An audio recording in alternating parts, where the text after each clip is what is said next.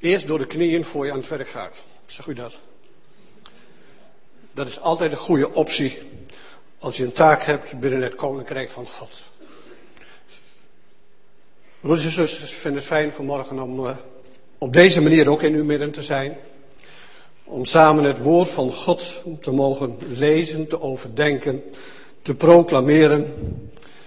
En we hebben vanmorgen samen met de broeders achtergebeden en wij geloven daar ook in dat God vanmorgen deze ruimte wil gebruiken als de werkplaats van zijn Heilige Geest.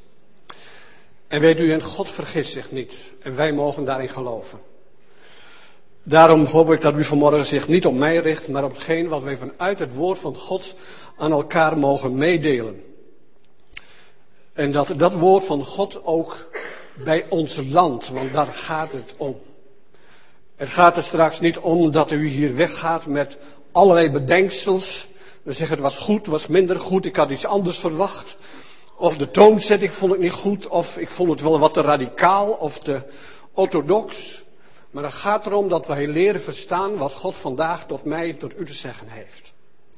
En dan hoop ik dat we een moment kunnen hebben voor ons allemaal om te zeggen van alles wat ons bezighoudt, willen we even een moment parkeren. En God helpen u daarbij. Ik wil graag met u lezen uit Gods woord en wel uit de tweede Petrusbrief. 2 Petrus 1, vanaf vers 1 tot en met 11. En ik lees uit de NBG-vertaling. Ik ben net iets ouder dan Willem Boersma, dus ik hou me even bij het oudere. 1 Petrus 1, vanaf vers 1 tot en met 11. 2 Petrus 1. 2 Petrus 1. De tweede brief van Petrus, dat zegt de Bijbel het volgende. Simon Petrus, het dienstknecht en een apostel van Jezus Christus. Aan hen die een even kostbaar geloof als wij hebben verkregen door de gerechtigheid van God, van onze God en Heiland Jezus Christus. Genade en vrede worden u vermenigvuldigd door de kennis van God en van Jezus onze Heer. Zijn goddelijke kracht immers heeft ons met alles wat tot leven en godsvrucht strekt, begiftigd door de kennis van Hem die ons geroepen heeft door Zijn heerlijkheid en macht. Door deze zijn wij met kostbare en zeer grote beloften begiftigd, opdat daardoor een deel zou hebben aan de goddelijke natuur.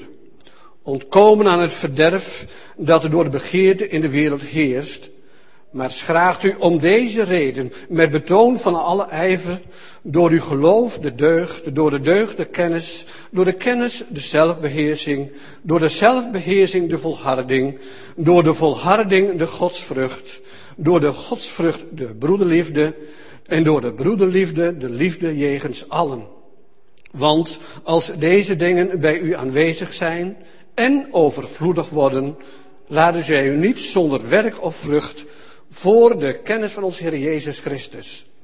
Want bij wie zij niet zijn, die is verblind in de bijziendheid, daar hij de reiniging van zijn vroegere zonden heeft vergeten. Beijvert u daarom des te meer, broeders en ook zusters, uw roeping en uw verkiezing te bevestigen. Want als gij dit doet, zult gij nimmer struikelen. Want zo zal u rijkelijk worden verleend de toegang tot het eeuwig koninkrijk van onze Heer en Heiland, Jezus Christus. Tot zover de schriftlezing, hoofdschriftlezing ook van deze morgen. Als u met mij goed geluisterd hebt en met mij meegelezen hebt, dan bent u in die elf versen die we met elkaar hebben gelezen één woord een heel aantal keren tegengekomen. En dat is het woord kennis. Door de kennis. Ik heb dan vanmorgen ook een prediking, speciaal voor academici onder ons vanmorgen. Ik weet niet of de rest ook weg wil. Maar dit is onzin natuurlijk, en onzin mag vanaf deze plek niet verkondigd worden, dus dat neem ik dan ook maar gelijk weer terug. Het gaat om de hart van het evangelie vanmorgen. En het hart van het evangelie kan niet zonder die kennis, maar wat dat betekent, dat hoop ik straks ook verder uit te diepen.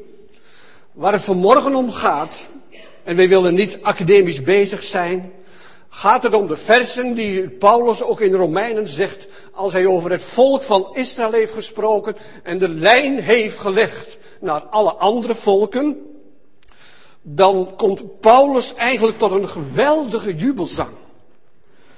Dat hij de God van zijn leven, die hem eens heeft staande gehouden. En dat hij ook geciteerd wordt in de Bijbel als de apostel der heidenen.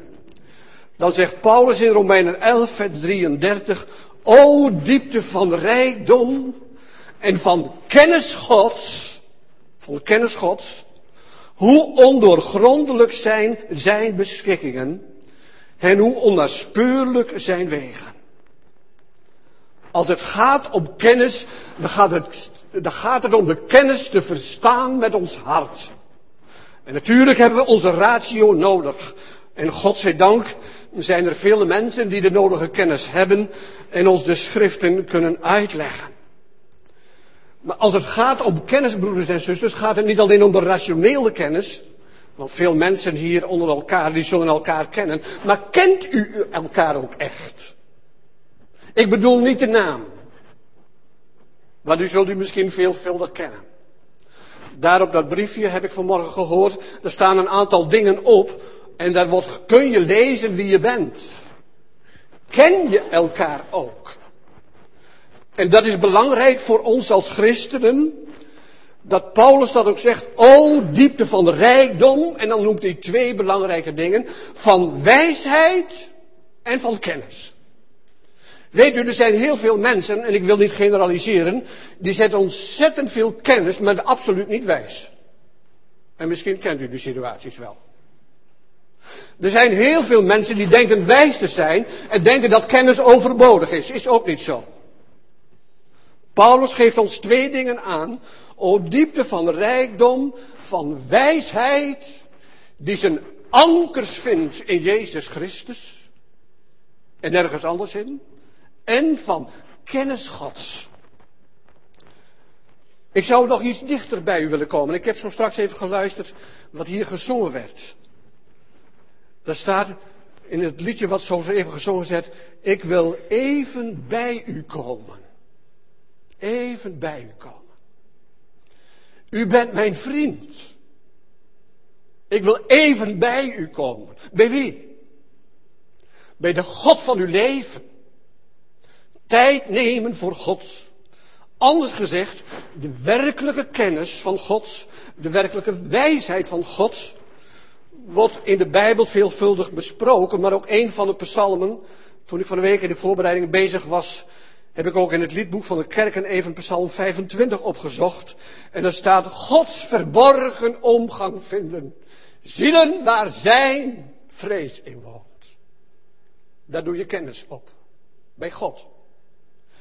En ik weet niet of u het is opgevallen, maar door de jaren heen heb ik veelvuldig gehoord van predikers dat we in de kerk van alles moeten doen.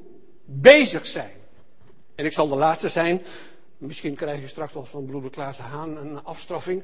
Van dat jullie allemaal moeten stoppen met werk, maar dat bedoel ik niet. Maar we kunnen zo bezig zijn. Dat we alleen bezig zijn met het werk en de Heer van het werk vergeten. En geen tijd voor hebben. En God zegt, wil je mij leren kennen? Moet je even bij me komen in de binnenkamer. Zoals Matthäus in Evangelie dat ook zegt. Als gij bidt, ga in de binnenkamer. En wat is die binnenkamer? Is dat een gewone kamer zoals alle anderen? Nee, we weten vanuit het Oude Testament dat er een kamer was van de Israëlieten waar ze de bijzonderheden opborgen. Daar lag een geheim. Daar lag het geheim om met Christus om te gaan. Ga in uw binnenkamer. God verborgen omgang vinden zielen waar geen angst in woont, maar bewogenheid en diep ontzag voor God.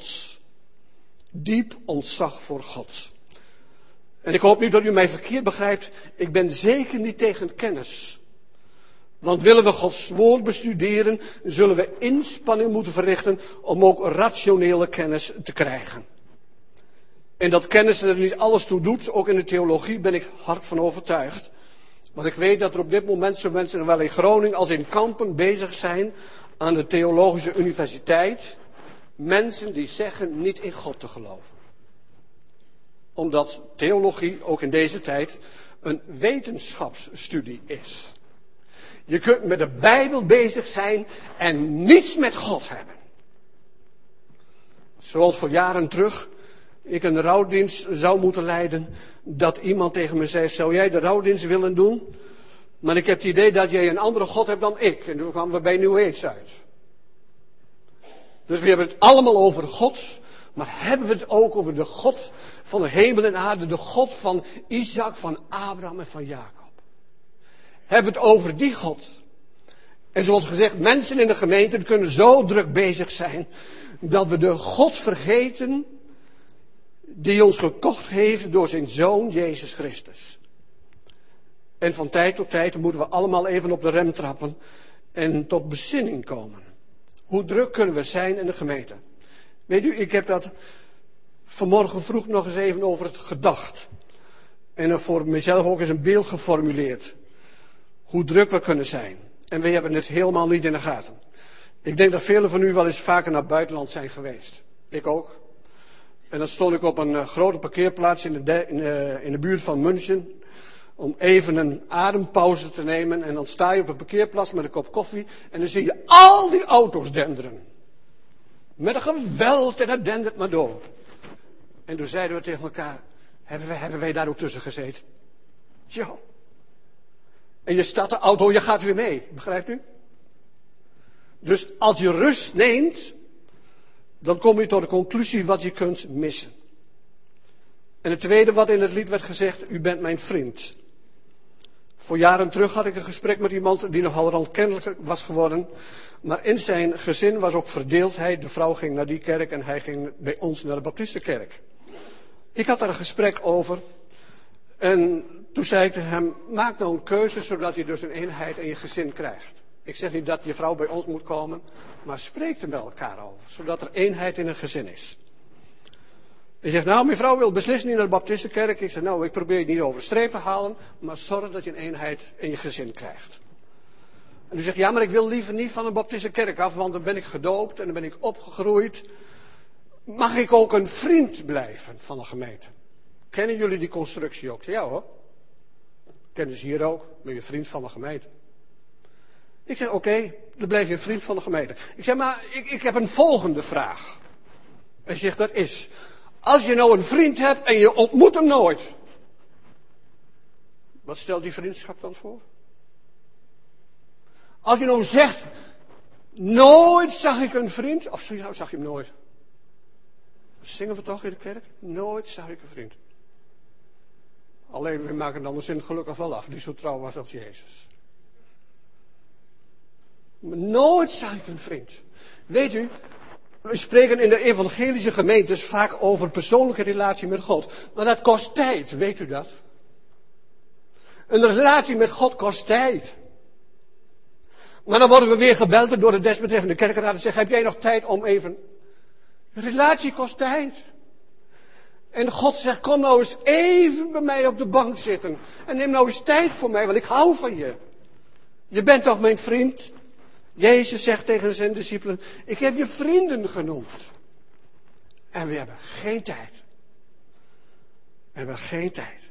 Weet u, als we het over kennis en wijsheid hebben, dan geloof ik dat er tijd voor genomen moet worden. En die is maar voor, bij één persoon te vinden.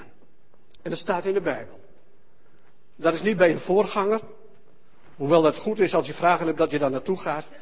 Maar dan lees ik in de Bijbel in Colossensen 2, vers 9. In hem, Colossense 2, vers 9. In hem woont al de volheid der goddelijk lichamelijk. En gij hebt de volheid verkregen in hem. In hem is de wijsheid. Voor hem wil ik mij buigen, hebben we zo straks eigenlijk gezongen. Voor hem wil ik tijd besteden.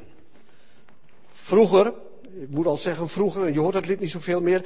Iedereen zal het misschien ook niet kennen, maar in Johannes de Heer stond vroeger een lied. Neem tijd om te knielen en spreek dikwijls met God. Ja, zegt dat kan ik niet, want ik moet weer weg. Ik moet weer weg. Wat voor plaats heeft God in ons leven? Nou, zo hebben we een heel aantal dingen benoemd die misschien best wel impact kunnen hebben in ons leven. Ik geloof dus, broeders en zusters, ik heb mezelf ook meer en meer keren tot de orde moeten roepen. Elk christen die niet goed voor zichzelf zorgt, kan een ander niet helpen. Dat is niet egoïstisch, dat is een noodzaak. Elk christen die geen tijd neemt om met de Vader in relatie te staan. Och ja, sommige mensen zeggen, af, weet je wel, broeder Wessels, ik kan ook wel bidden onder stofzuigen. Natuurlijk. Wie zegt dat het niet zo is? Zet je dan God niet in de kantlijn? Om er geen tijd voor te nemen. Nu is de vraag die ik mijzelf gesteld heb. Aan wie en over wie gaat het nu? Petrus, die deze brief geschreven heeft, is een strooibrief, noemen ze dat, wat is niet aan specifiek aan de gemeente gegeven. Maar Petrus maakt zich eerst bekend. Petrus, de dienstknecht en apostel van Jezus Christus. En dan geeft hij aan aan wie hij deze brief schrijft. En dan moeten we vasthouden aan hen die een even kostbaar geloof hebben verkregen. Aan allen die een even kostbare geloof hebben verkregen. Door de gerechtigheid van onze God en Heiland Jezus Christus. Aan u, aan mij, die beleden heeft, misschien wel in deze kerk of in dit doopfonds, of elders, zeg Heer, ik wil u volgen, ik geloof in u. Aan hem en zeggen, deze boodschap is voor u, die dat kostbare geloof. En het kostbare geloof is van het onvergankelijke zaad van Jezus Christus, die gezegd heeft, als de graankorrel niet in de aarde sterft, kan zij geen vrucht dragen. En de korrel is gestorven. En sterven, broeders en zusters, is een moeilijk proces. Ik denk dat u allemaal wel eens aardappels gerooid hebt. En als u dan nieuwe aardappels rooit in het seizoen, en je haalt de grond open, dan kom je tot de conclusie dat de aardappel die gepoot is als de poter eigenlijk alleen maar een vieze drapse is. Er is niks van over. Maar er zit wel vruchten aan. Over gezien worden. Sterven aan jezelf. Tijd nemen voor jezelf. In de nabijheid van Christus. En aan allen die dat kostbare geloof hebben ontvangen. Weet u, wat gaat er dan gebeuren met u en mij? Als we in zijn nabijheid zijn. Als we een diep verlangen hebben om een relatie met God en Christus te leven. Dan moet u eens luisteren wat de Bijbel daarover zegt. Dan lees ik dat vanuit de Petrusbrief, wat we al gelezen hebben. Jezus Christus, genade en vrede worden u vermenigvuldigd door de kennis van God. In zijn nabijheid. Daar leer je hem beter kennen. De kennis van God door onze Jezus Christus. Daar zie je de genade vermenigvuldigd worden, omdat je in zijn nabijheid bent. O broeders en zusters, die genade is wereldwijd. Het is nog steeds niet herroepen dat Christus gezegd heeft, al zo lief had God de wereld.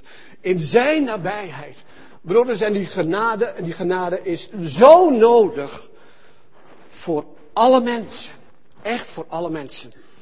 En als we zeggen voor alle mensen, dan, dan kan dat heel diep gaan. Want stel eens dat je geraakt bent in je leven door de meest verschrikkelijke dingen. Je bent zo beschadigd. En dan die anderen ook nog genade verlenen. Ik heb in mijn leven nogal wat gevangenissen bezocht. Gelukkig niet gezeten omdat ik daar zitten moest, maar bezocht en mensen bezocht. Een van de mensen die ik ooit bezocht heb in de koepel in Breda, dat hele gezin dat kende ik en er waren verschrikkelijke dingen gebeurd.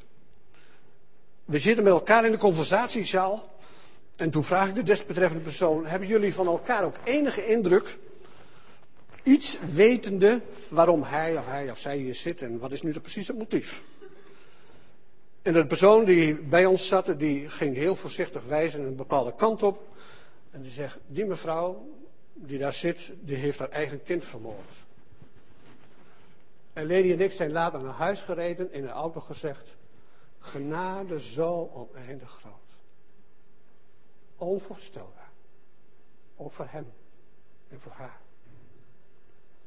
En dat is makkelijk zeggen als je zulke dingen voorbij zijn gegaan. Maar dan te weten hoe diep die genade van God is, die niemand afschrijft. En je zegt de Bijbel zegt, en in mijn nabijheid wordt het zicht op die genade vermenigvuldigd. Dat is wat God met ons wil. Als het gaat om kennis, dan zegt Spreuken 3, vers 5, vertrouw op de Heer met uw ganse hart en steun op uw eigen inzicht niet. Steun op uw eigen inzicht niet. Ken Hem in al uw wegen. Weet wie Hij is. Oh, wat heb ik situaties mee mogen maken in het pastoraat. Dat ik de mensen het eigenlijk wel letterlijk op het hart wilde drukken. Ken God in Christus. En je weet hoe je leven weer op kan bloeien. Ken Hem in al uw wegen. Vertrouw op Hem. Betrek Hem erbij, de grote pastor van ons leven. Ik denk dat velen van ons de tekst kennen uit Osea. Althans, dat verwacht ik. Osea 4, vers 6. Voor velen die wat met de Bijbel vertrouwd zijn, en ik denk dat hier in deze samenstelling redelijk wat theologen zitten. Osea 4, vers 6. Er staat, mijn volk gaat te gronden door gebrek aan kennis. En dan stoppen we meest. Door gebrek aan kennis. Niet alleen over de feitelijke kennis, maar deze verklaring geeft weer, ook in de grondtekst, dat het gaat om het verbindend geloof met God, de God van Abraham, van Isaac en Jacob. Mijn vrouw, mijn volk gaat teloor, verdorven aan gebrek aan kennis. En dan moet ik u zeggen, dat dan die tekst eigenlijk uit verband gerukt wordt. Want als je Hosea 4 leest vanaf het eerste vers, en ik zal dat vanmorgen maar niet doen, maar leest u dat thuis maar eens, dan gaat het in eerste plaats over de priesters die het woord niet gebracht hebben. Dus ook de voorgangers in deze tijd hebben een geweldige opdracht om de gemeente te voeden met Gods woord. Want in vers 4 wordt gezegd, laat maar niemand een aanklacht inbrengen en laat maar niemand een terechtwijzing uit. En aangezien een aanklacht u geldt, o priesters, o priesters, o voorgangers in deze tijd. O voorgangers, als het volk, als het volk te weinig kennis heeft, waar verwezen wordt altijd naar de persoon van Jezus Christus, dat ook de voorgangers in deze tijd een boodschap mogen brengen die schriftuurlijk verantwoord is. Hoe zegt u, gebeurt het dan veelvuldig? Nou, de brief die Petrus geschreven in de tweede brief, en die kunt u lezen ook in het, derde, in het tweede hoofdstuk, dan gaat het met namelijk om de dwaalleraars. Daarom zet Petrus ook zo hoog in hier op de kennis van God. En u zegt, gebeurt dat in ons land ook? Ja. Ik zal geen plaats noemen, maar van de week was ik in een boekhandel om een boek te kopen. En dan kreeg ik een boek in de handen van een dominee, liedjeszanger. Die zegt van, nou, we moeten eens af, we moeten eens af dat die God zo in Christus ook dezelfde God is, die massiviteit. Want hij was een engel.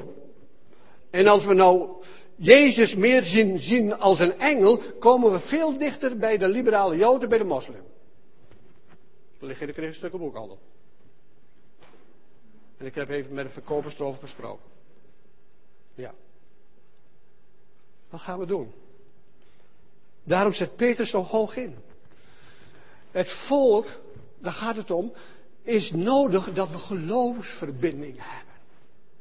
Van boven naar beneden. Daar mogen we verwachten. En nu gaat het in de ontmoeting niet om de letter, zegt de Bijbel, want de letter op zich die maakt dood. Maar de geest maakt levend. Wij spreken en we zingen zo graag, o welkom heilige geest van God. Maar als wij andere ruimtes toestaan dan voor die geest, zullen we daardoor beperkt worden. God wil alles van ons. Vroeger zongen we in de kerk van, ik leg mijn al op het altaar. Ja, nou dat is nogal wat. Blijft er dan van mij niets over? Jawel, zeker wel. Want als ik in de geloofsverbinding met God sta, dan mag ik weten op grond van de schrift wie ik ben. Weet u, het gaat om geloofsverbondenheid in Jezus Christus. Sommige mensen zeggen wel, en ik zal vanmiddag ook een aantal mensen tegenkomen die zeggen, ken je die ook, ken je die ook? Ja, dan ken ik hem alleen van naam. Maar ken ik hem dan ook ten diepste? Wie de persoon eigenlijk is. Het gaat in de gemeente en in het leven van de christen individueel om te onderscheiden waar het op aankomt. Een van de voorbeelden, ik weet niet of ik het u ooit gezegd heb, want ik word ook een dagje ouder. Maar in Engeland, jaren terug, iemand aangesteld bij Scotland Yard voor de valse muntheenheid. De persoon in kwestie die moest de valse munten opsporen. En iemand in zijn kennissenkring die zegt tegen hem: Ben je nou elke dag op zoek naar die valse munt? Hij zegt: Ben mal. Dat is niet te beginnen aan, want dan moet je dus als speurhond door het leven gaan. En zeg maar, wat doe je dan wel? Want je moet wel het echte van het onechte te onderscheiden. En je zegt, ik heb van de regering maar één opdracht gekregen. Ik moet me met de echte bezighouden. Dan ga ik vanzelf het andere onderscheiden. Alleen het echte. Het woord van God. Geen theologie van de kerk. Maar het echte, pure van het woord van God. Daar komt er de onderscheiding door. Waarom is dat nu zo essentieel? Ook voor ons, ook in het pastoraat. Waarom is dat nu zo essentieel? En ik heb daar zelf voor mezelf een woordspeling opgemaakt en ik hoop dat u dat kunt onthouden. Waarom is dit zo belangrijk? Luistert u met mij, want dat geldt ook voor mij. Als een christen onderhoudt wat hij en zij onderhouden moet, dan onderhoudt het u zelf. Vat u hem? Als u onderhoudt wat u onderhouden moet. Dat is de relatie met Hem, ook door het woord te lezen en te bestuderen. Dan onderhoudt het u zelf. En dan krijg je kennis van God. De Emmausgangers hebben het ontdekt. Dat ze met Jezus op weg gingen en ze waren verblind door de situatie. En dan zeiden ze tot elkaar, was ons hart niet brandende in ons. Toen hij de schriften opende. Ja, je staat soms versteld als je in de gemeente gewerkt hebt, hoe mensen daar de beleving over hebben. Iemand die zei tegen mij, die ik zelf ook mocht dopen in een andere gemeente. Een jonge man, jonge man en jonge vrouw en een aantal, die zeggen, waarom moeten we nou eigenlijk zo altijd met de Bijbel bezig zijn? Waarom? Omdat God in Christus door de Heilige Geest dat woord geïnspireerd heeft. En je daar Christus meer leert ontdekken. Wie hij echt is. Als we als christen in de gemeente meer kennis van Christus willen en kunnen ontvangen, dan gaan we onderscheiden waar het op aankomt. Is het mogelijk dat we meer kennis krijgen? Ik geloof het wel. De Bijbel die zegt dat. Vers 3. Zijn goddelijke kracht immers heeft ons met alles wat tot leven en godsvrucht strekt, begiftigd door de kennis van Hem beste mensen. Laten we nou niet zeggen dat God ons te weinig gegeven heeft. Laten we nou niet zeggen dat God onze dingen heeft onthouden.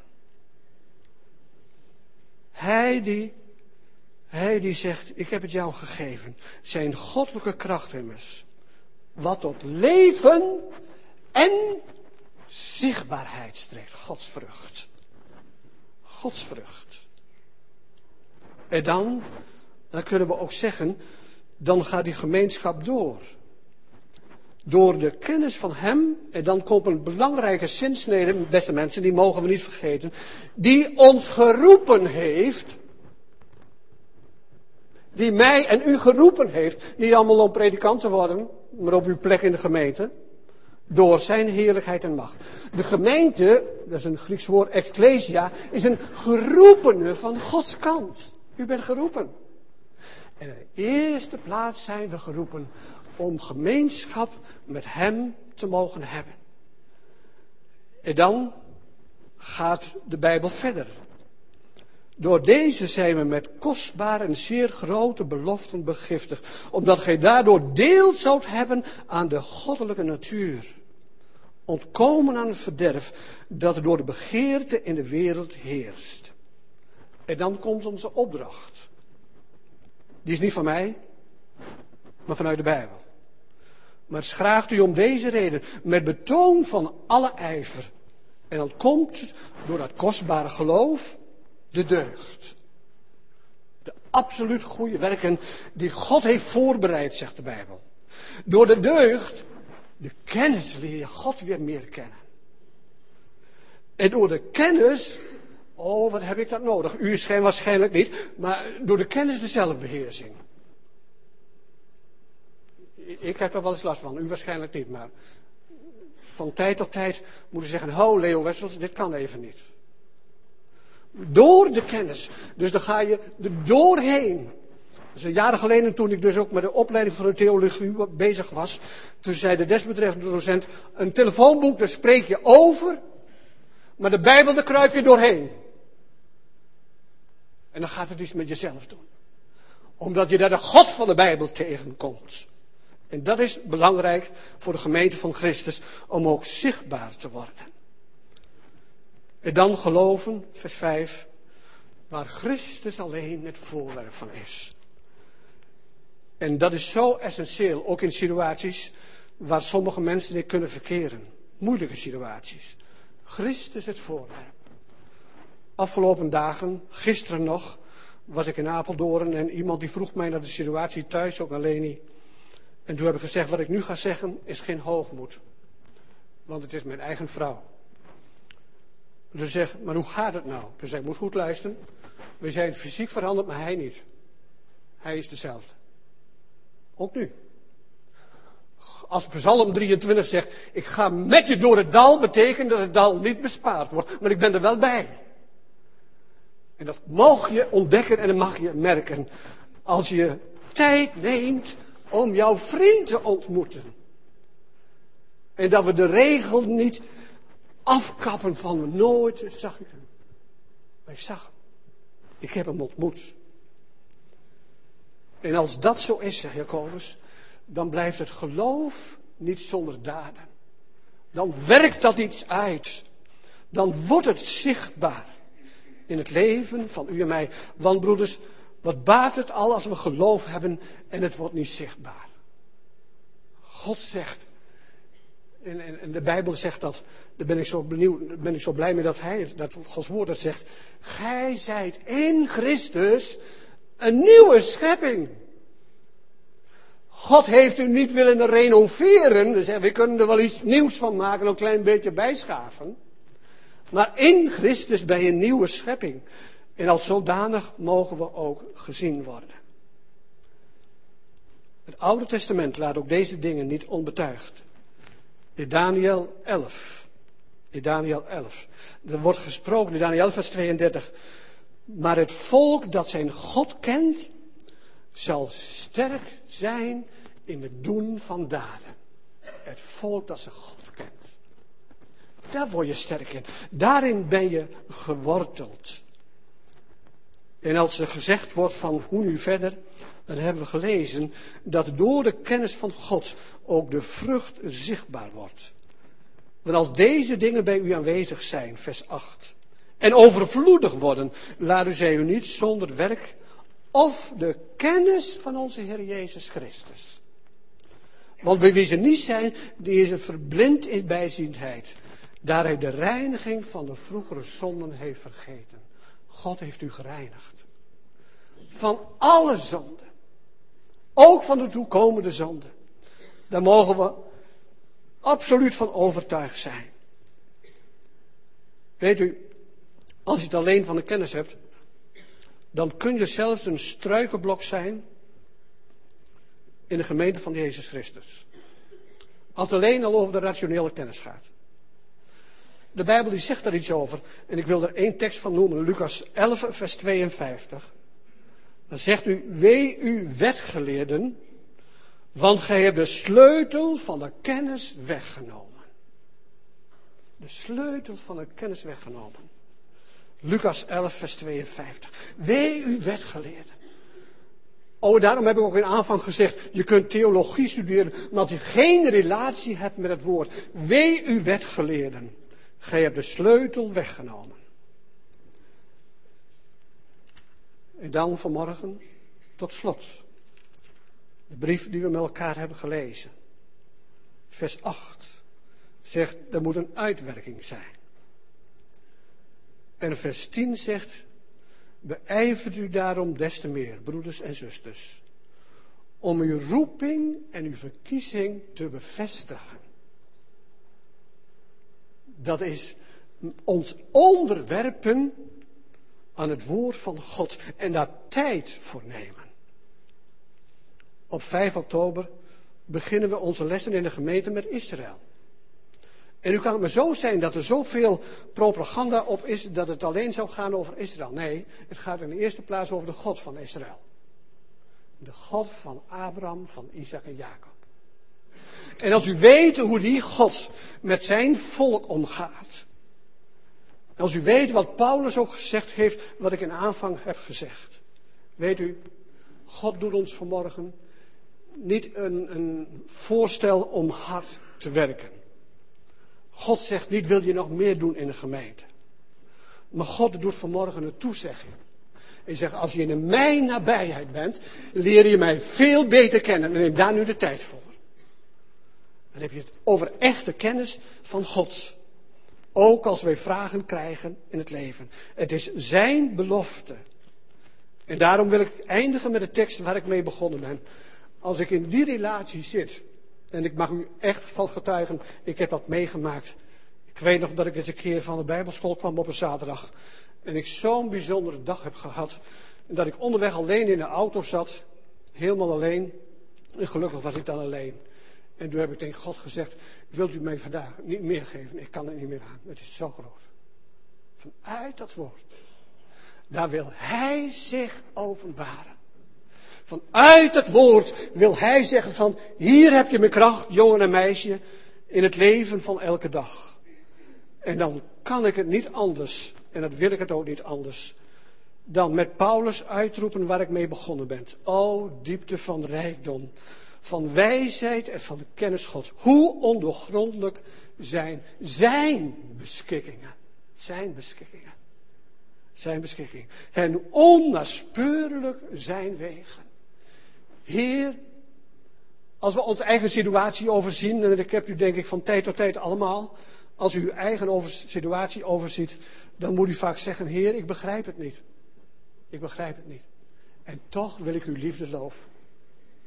Al begrijpt men u niet. Toch. Ja? Toch. Al zou er alles ook anders uit gaan zien. Toch. En toch wil ik morgen een boom planten.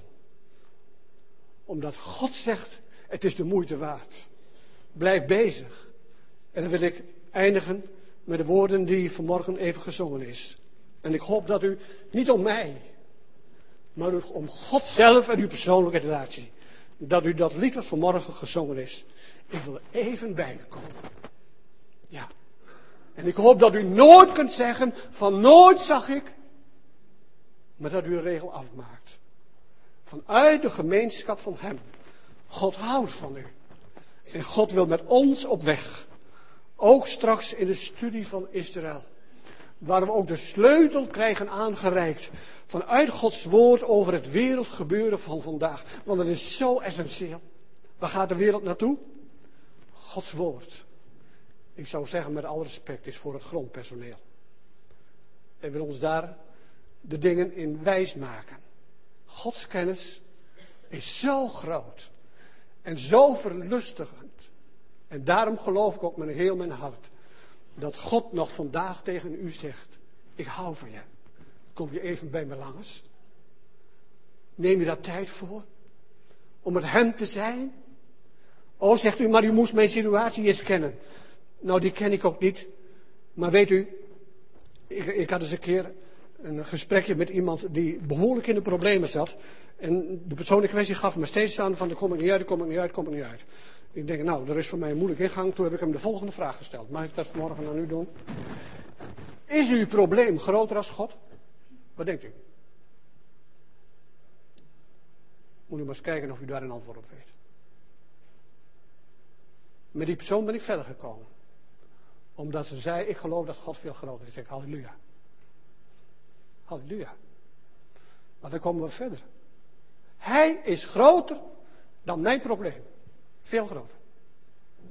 En als hij gezegd heeft, ik heb alles op het kruis gebracht, is dat ook alles. En hij heeft niets achtergehouden. Die God mogen wij als gemeente dienen. En daar kan ik maar één ding op zeggen. Dat hij ons wil gebruiken om zichtbaar te worden. Dus ik, halleluja. Prijs de Heer. Amen.